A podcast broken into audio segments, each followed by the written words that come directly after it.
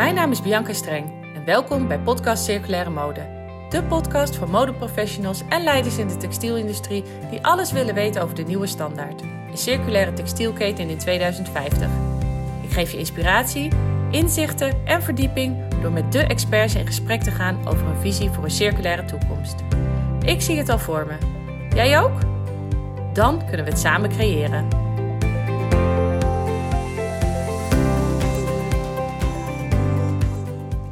Vandaag heb ik Kim Poltner te gast achter de microfoon. Kim heeft modeontwerpen gestudeerd, is gepromoveerd op duurzaam ondernemen in de mode en mag zich inmiddels lector in circular business noemen. Op dit thema stuurt ze een groep onderzoekers aan die werken op het snijvlak voor onderwijs, onderzoek en maatschappelijke impact. Nou, welkom Kim. Ehm, ja, wij volgen elkaar al een tijdje. Uh, en vandaag uh, mag ik je eindelijk face-to-face -face, uh, spreken en daar heb ik onwijs veel zin in. Um, ik heb jou een paar keer horen spreken. Je bent enorm gepassioneerd wanneer het gaat over circulariteit en dan met name de mode-industrie. Kan jij iets vertellen over jouw textielverhaal? Iets. Ja, ja iets. Neem de tijd. Neem de tijd. Uh, mijn textielverhaal. Ik ben opgegroeid met een moeder die altijd zelf kleding maakte. Dus ik ging echt op de eerste dag van de middelbare school in een zelfgemaakt pakje met twee staartjes. En de brugklas. Ja, heel schattig. Neurderig, zeggen mijn kinderen. Um, toen, uh, eigenlijk in mijn puberteit, heb ik veel uh, mode getekend. Dus echt poppetjes en zo. En leerde ik ook naaien. Uh, dus naaide ik op een gegeven moment ook mijn eigen kleding en mijn minirokjes en zo toen ik 18 was. En dat heeft ertoe geleid dat ik naar de modeacademie ben gegaan, naar de middelbare school. Um, het is wel grappig, want ik dacht dat mijn textielverhaal daarmee is begonnen. Maar ik ben er inmiddels achter dat mijn modegenen verder terugvoeren. Want mijn oma die had een manufacturenwinkeltje uh, onder de rook van Den Haag in het Westland. Dus uh, daar um, ben ik nu een beetje in aan het duiken. Maar die, die modegenen die, uh, die lopen dus al wat verder terug, zeg maar. Ja. Superleuk. Ja. En heb jij ook een bepaald rolmodel? Als het gaat over duurzame mode? Ja. Oeh. Een rolmodel. Die mag je ook even laten bezinken. Nou, ik, ik denk dat ik uh, heel erg blij was de afgelopen weken om te zien dat Katrin Lee van Fashion for Good de Harper's Bazaar uh, Women of the Year Award heeft gewonnen. Mm -hmm. Ik vind dat fantastisch. Uh, enerzijds vind ik Katrin een fantastische leider. Fashion for Good een hele goede organisatie. En ik vind het heel mooi dat dat dan door een uh, meer mainstream glossy als Harper's Bazaar, zeg maar, op die manier wordt opgepikt. Dus nou, rolmodel is denk ik niet het juiste woord, maar wel echt uh, ben ik met zo'n moment heel erg blij en met een leider als Catherine. Mooi. Ja. Ja, nice. En um, nou ja, jij onderzoekt de circulaire economie met focus op het modegebied, als ik het zo uh, mag zeggen. Uh, kan je daar iets meer over vertellen?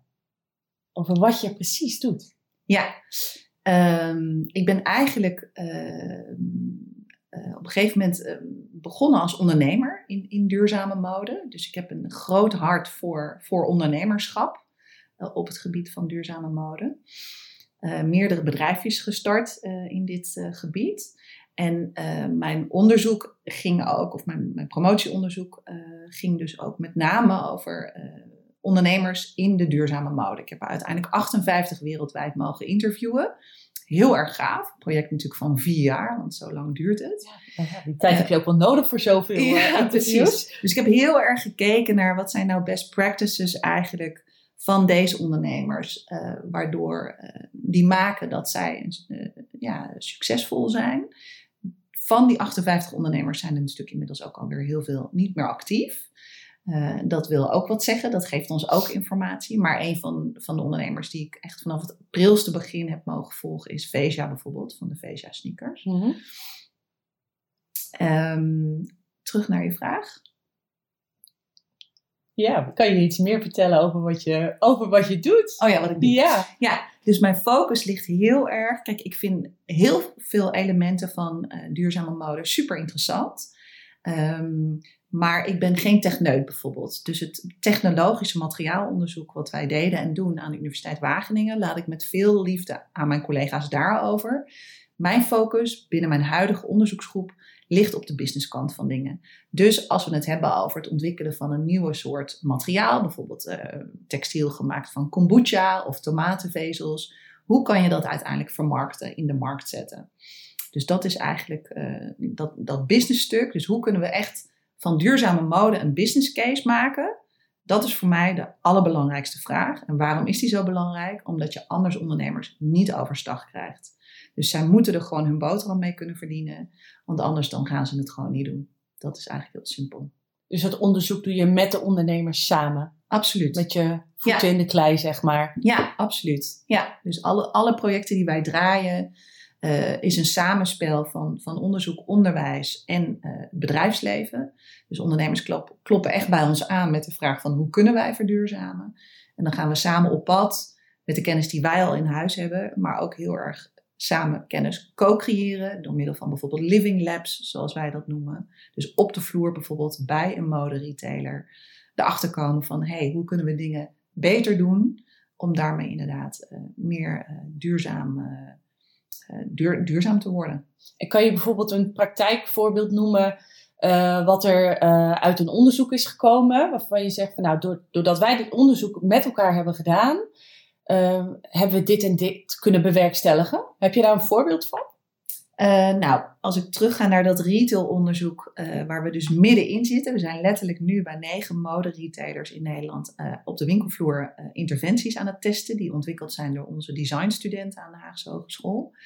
Um, dan zijn we dus nog niet aan het eind van dat project, inclusief eindresultaten die schaalbaar zijn. Maar wat we al wel zien is waar kunnen we in eerste instantie het meeste impact uh, mee maken. En we merken bijvoorbeeld dat als er geen leiderschap is vanuit de ondernemer aan zich, dat het heel lastig wordt om winkelmedewerkers, laat staan klanten, mee te krijgen in de aanschaf van meer duurzamere alternatieven. Uh, dat is in principe een no-brainer natuurlijk mm -hmm. als je dat hoort. Um, maar um, ja, we zijn nu uh, die interventies aan het testen. En dan zien we wel van wat werkt wel en wat werkt niet. Um, dus nou ja, dat, dat is. Uh, en wat één ding wat heel belangrijk is, is dat we het gewoon in um, Jip en Janneke taal uit moeten drukken. Mm -hmm. um, en dat we uh, dat de interventies uh, eigenlijk de klant en de winkelmedewerker met elkaar in gesprek moeten brengen over duurzaamheid. Want waar uh, winkelmedewerkers tegenaan lopen, is dat ze denken van ik weet er te weinig van af, ik durf het gesprek niet aan te gaan, ook al weet ik dat het belangrijk is. Mm-hmm. Klanten willen graag duurzamere merken kopen, maar weten niet welke merken dat dan zouden moeten zijn. De interventies die wij hebben ontwikkeld, halen eigenlijk die groene olifant uit de winkel weg.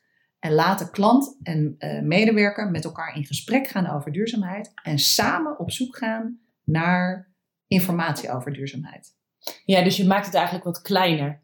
Ja. Uh, in plaats ja. van dat het een soort onbereikbare ja. grote groene olifant is, hè, zoals jij het nu uh, ja. omschrijft. Precies. Maak je het kleiner. Ja, ja. dus en, een heel concreet voorbeeld is, is dat we shelf talkers hebben ontwikkeld die gewoon op de kledingrekken staan met QR-coders waarop staat van draag jij een gelukkig schaap?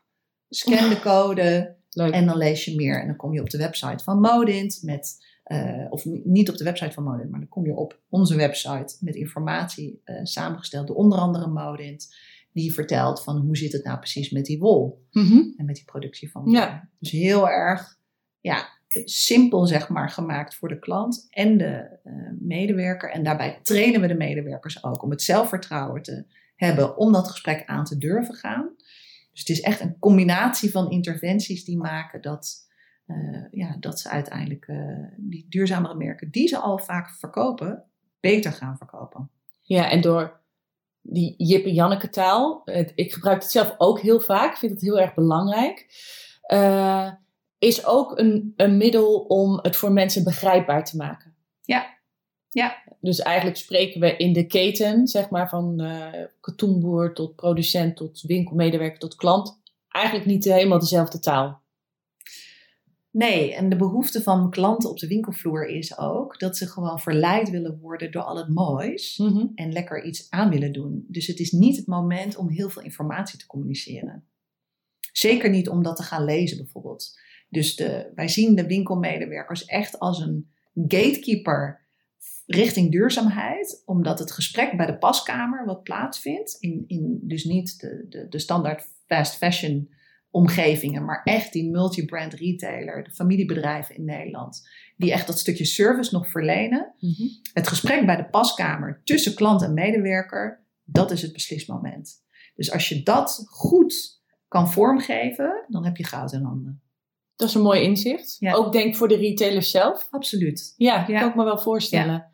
Ehm, en, maar ik wil heel even terug naar eh, 2020. Want eh, tijdens jouw inwijdingstoespraak zei je... Ik hoop dat mijn kinderen in een wijzere en rooskleurige toekomst opgroeien... dan de toekomst waarin we het gevoel hebben nu vast te zitten. Hoe kijk je nu twee jaar later aan tegen die toekomst? Is er wel wat veranderd? Ja, dit was natuurlijk in de beginfase van COVID dat ik die uh, intrede opnam. Ehm, ik ben een heel hoopvol persoon.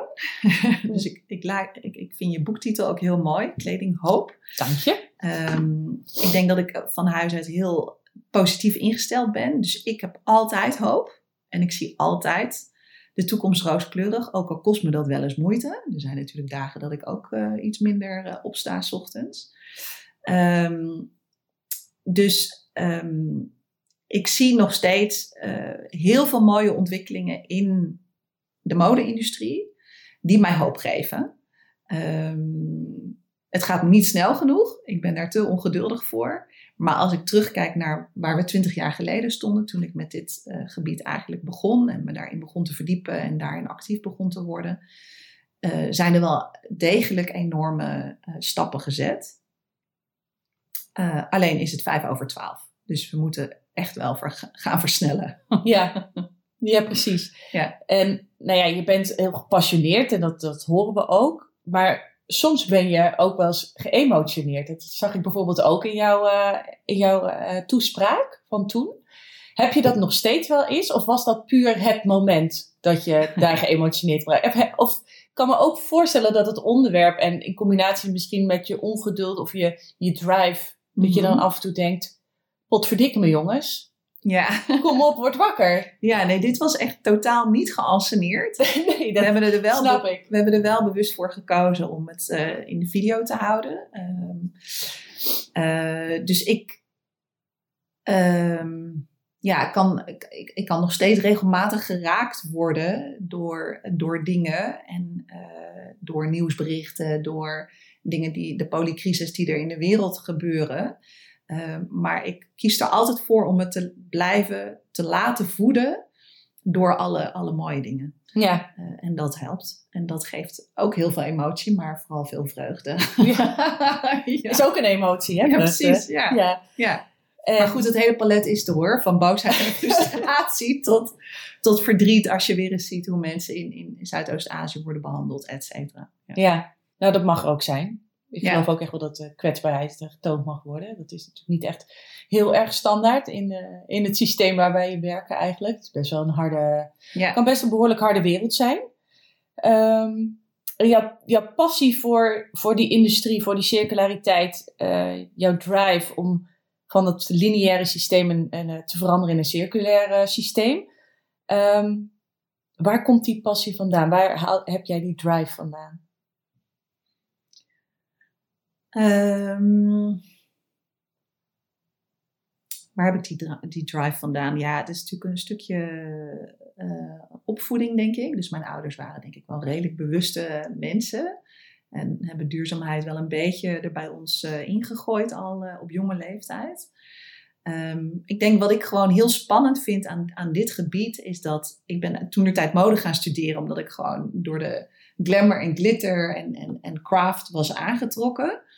En al heel snel achterkwam dat het natuurlijk helemaal niet zo mooi was. Uh, zo tegendeel, is het niet Integendeel, weet je wel. En ik denk die discrepantie, dat spanningsveld, is ook wat mij aantrekt. Dus, dus die dark side of fashion is ook wat het misschien mij al twintig jaar zo intrigeert. eh, en waar ik tegen vecht. Ehm, ja, dus, dus die twee kanten. Ja. Ehm, nou, wij spraken net al over jouw onderzoek die je samen met, eh, met, eh, met de retailers in Nederland hebt eh, gedaan, hè? Met, met, met mensen op de winkelvloer. Ehm, ik ben wel benieuwd, ehm, onze maatschappij die is ontzettend ingericht op groei. Groei in omzet, groei in marge, groei in aantallen, groei in koopkracht. En ik ben benieuwd, wat is jouw visie op groei? Want ik neem aan dat jij die soort discussies ook hebt met, de met de managers van al die winkels. Want die willen Mm. toch, neem ik aan, tenminste neem ik aan, dat zit waarschijnlijk in hun ondernemersbloed, dat ze alleen maar meer en meer willen. Hoe kijk jij daar tegenaan? Ja, ja. Mooie vraag. Ehm, ik denk dat voor mij het, het juiste woord organische groei zou moeten zijn.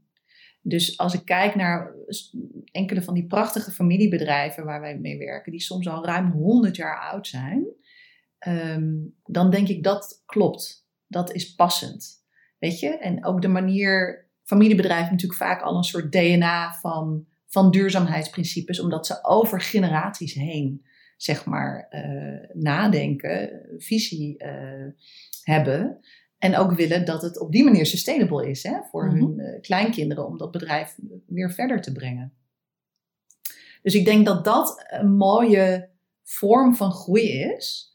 Ehm, maar wat we natuurlijk ook zien in, in het hele start-up eh, gebied en ondernemerschap, zijn de unicorns die heel snel heel groot worden, waar heel snel heel veel geld ook wordt verdiend.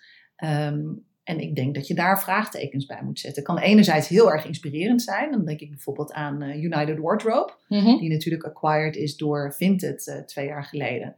Nou, dat, dat is enerzijds heel erg positief en dat vind ik super tof om te zien. Waren ex-Wageningen studenten trouwens die dat Echt? bedrijf Ja. hebben opgezet. Maar anderzijds het hele discours rondom unicorns en startups en, en die, dat groei eh, paradigma, zeg maar, is gewoon heel gevaarlijk. Ja, je ziet natuurlijk ook best wel uitersten nu. Hè? Ja. Eh, je ziet eh, inderdaad de, de start-ups die gericht zijn op heel snel heel veel geld verdienen. Ja. Eh, of je ziet start-ups waarbij het duurzaamheid en circulariteit echt volledig in het DNA zit. Dat het eigenlijk geen question mark Ja, meer is. Precies, precies. Dus je En- ziet ook steeds meer uitersten. Ja, En ehm, ja, heel veel mensen, zowel in het bedrijfsleven als consumenten, maken eigenlijk pas net kennis met eh, het woord circulariteit. mhm. Het is, al, het is best wel een containerbegrip natuurlijk, maar goed. ehm, als zij een deep dive eh, maken in dit onderwerp, weten ze vaak niet zo goed waar te beginnen om, dit, eh, ja, om dat circulaire systeem te realiseren. Hoe zou jij hen meenemen hierin? Nou, hoe ik meestal mijn colleges begin, is eigenlijk door twee hele simpele vormpjes te tekenen. En dat is een streepje voor het lineaire, de lineaire economie, zeg maar. Dus we halen dingen uit de grond, grondstoffen, maken daar een product van wat we verkopen of gebruiken als we user of klant zijn. En dan vervolgens weggooien. Dus Ja. dat is het lineaire systeem. En het circulaire systeem is dat je een rondje tekent en zegt van nou, na die gebruikersfase gaat dat product niet de afvalbak in, maar wordt weer tot een nieuwe grondstof. En dan close je de loop, zeg maar, sluit je de cirkel. Dus dat is de meest basale eh, uitleg, denk ik, voor waar, waar circulariteit over gaat. En dan heb je natuurlijk dat je helemaal richting de technologie kan. Van, van oké, hoe ga je dan bijvoorbeeld producten recyclen met, met bepaalde machinerieën, technologieën tot aan nieuwe businessmodellen, eh, tot aan eh, nieuw soort materialen te ontwikkelen.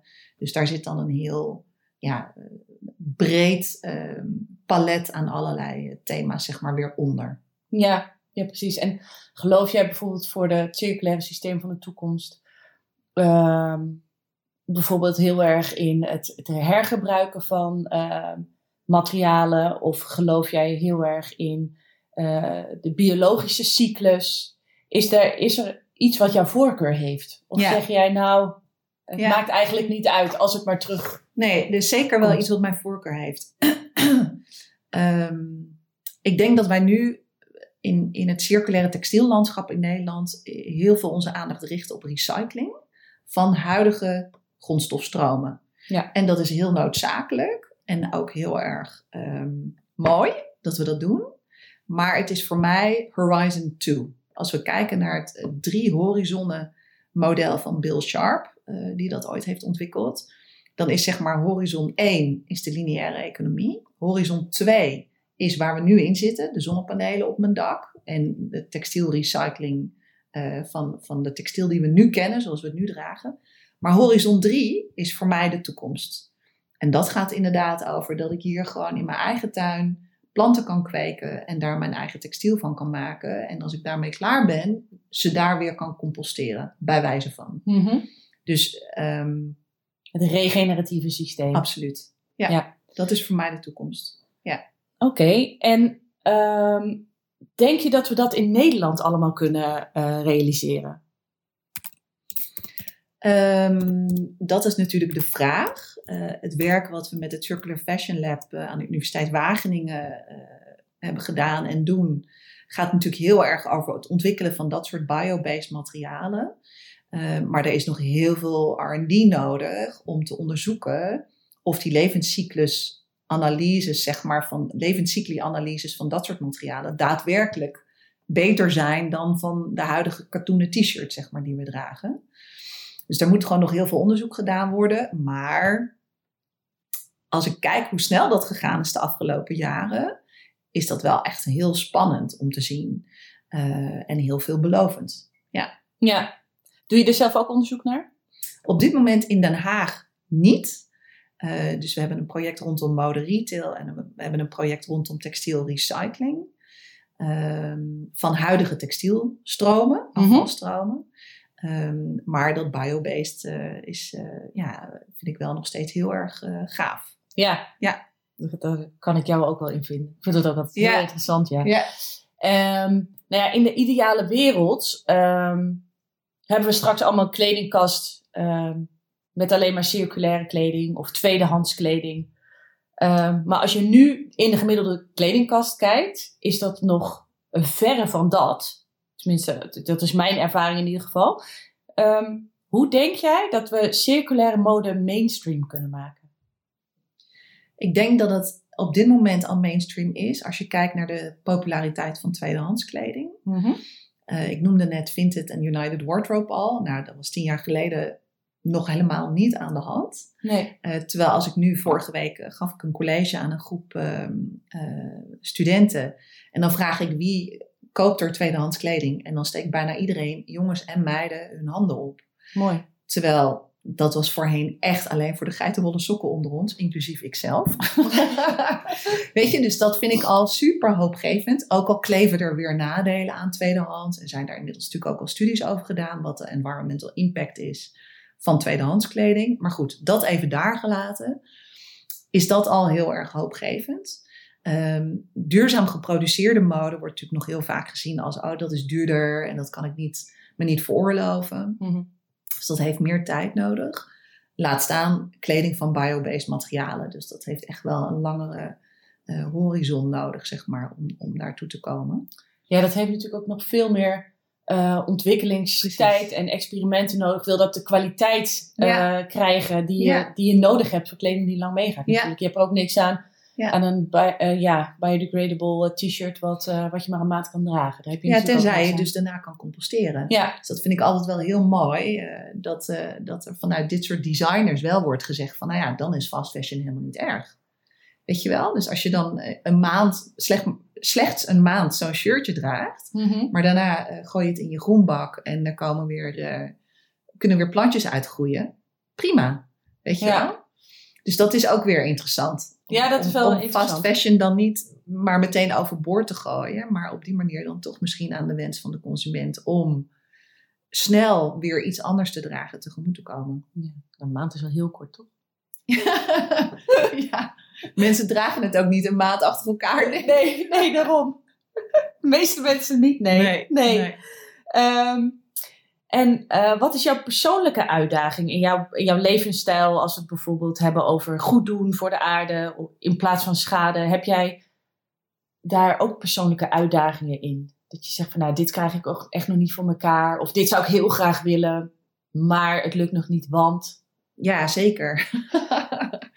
Ehm, we zijn afgelopen jaar verhuisd eh, naar, naar dit huis. En ehm, dat had ik allemaal circulair willen verbouwen. Ja. Ik had eigenlijk het liefst van de grond af een heel circulair huis willen bouwen. Eh, maar dat ging hem niet worden, zeg maar, voor ons. voor heel veel redenen. Eh, dual career, eh, tijdgebrek, kennis, te weinig kennis, et cetera.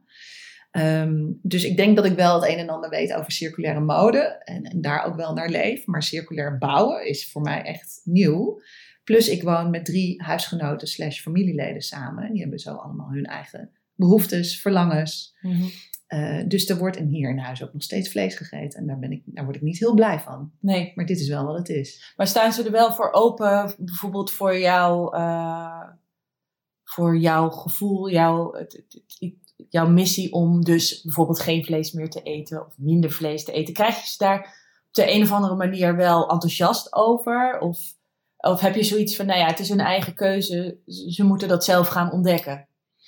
Uh, mijn dochter van negen is eigenlijk al bijna overtuigd vegetariër. Dus ik denk dat het zeker, weet je, ik, we hebben heel vaak het gesprek daarover met elkaar aan tafel.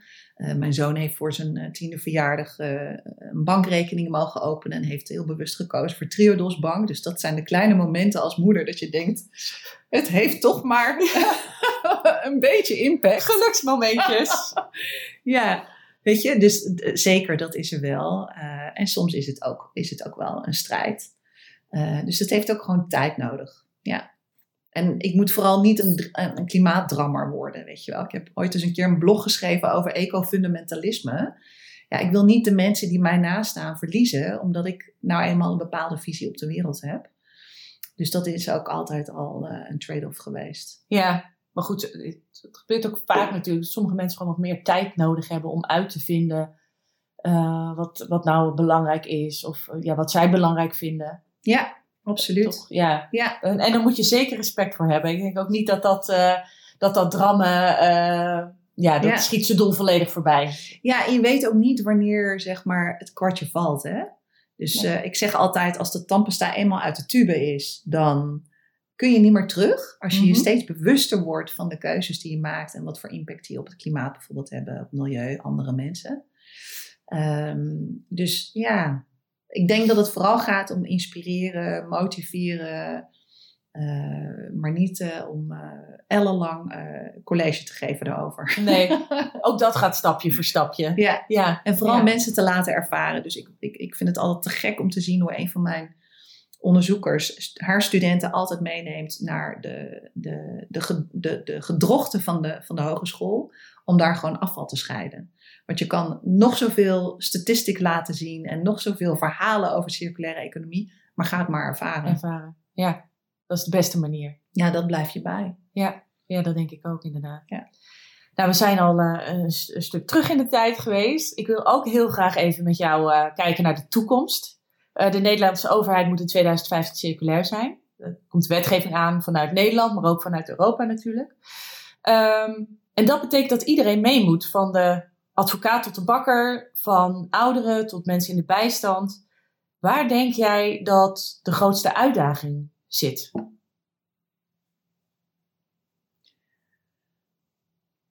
Ehm,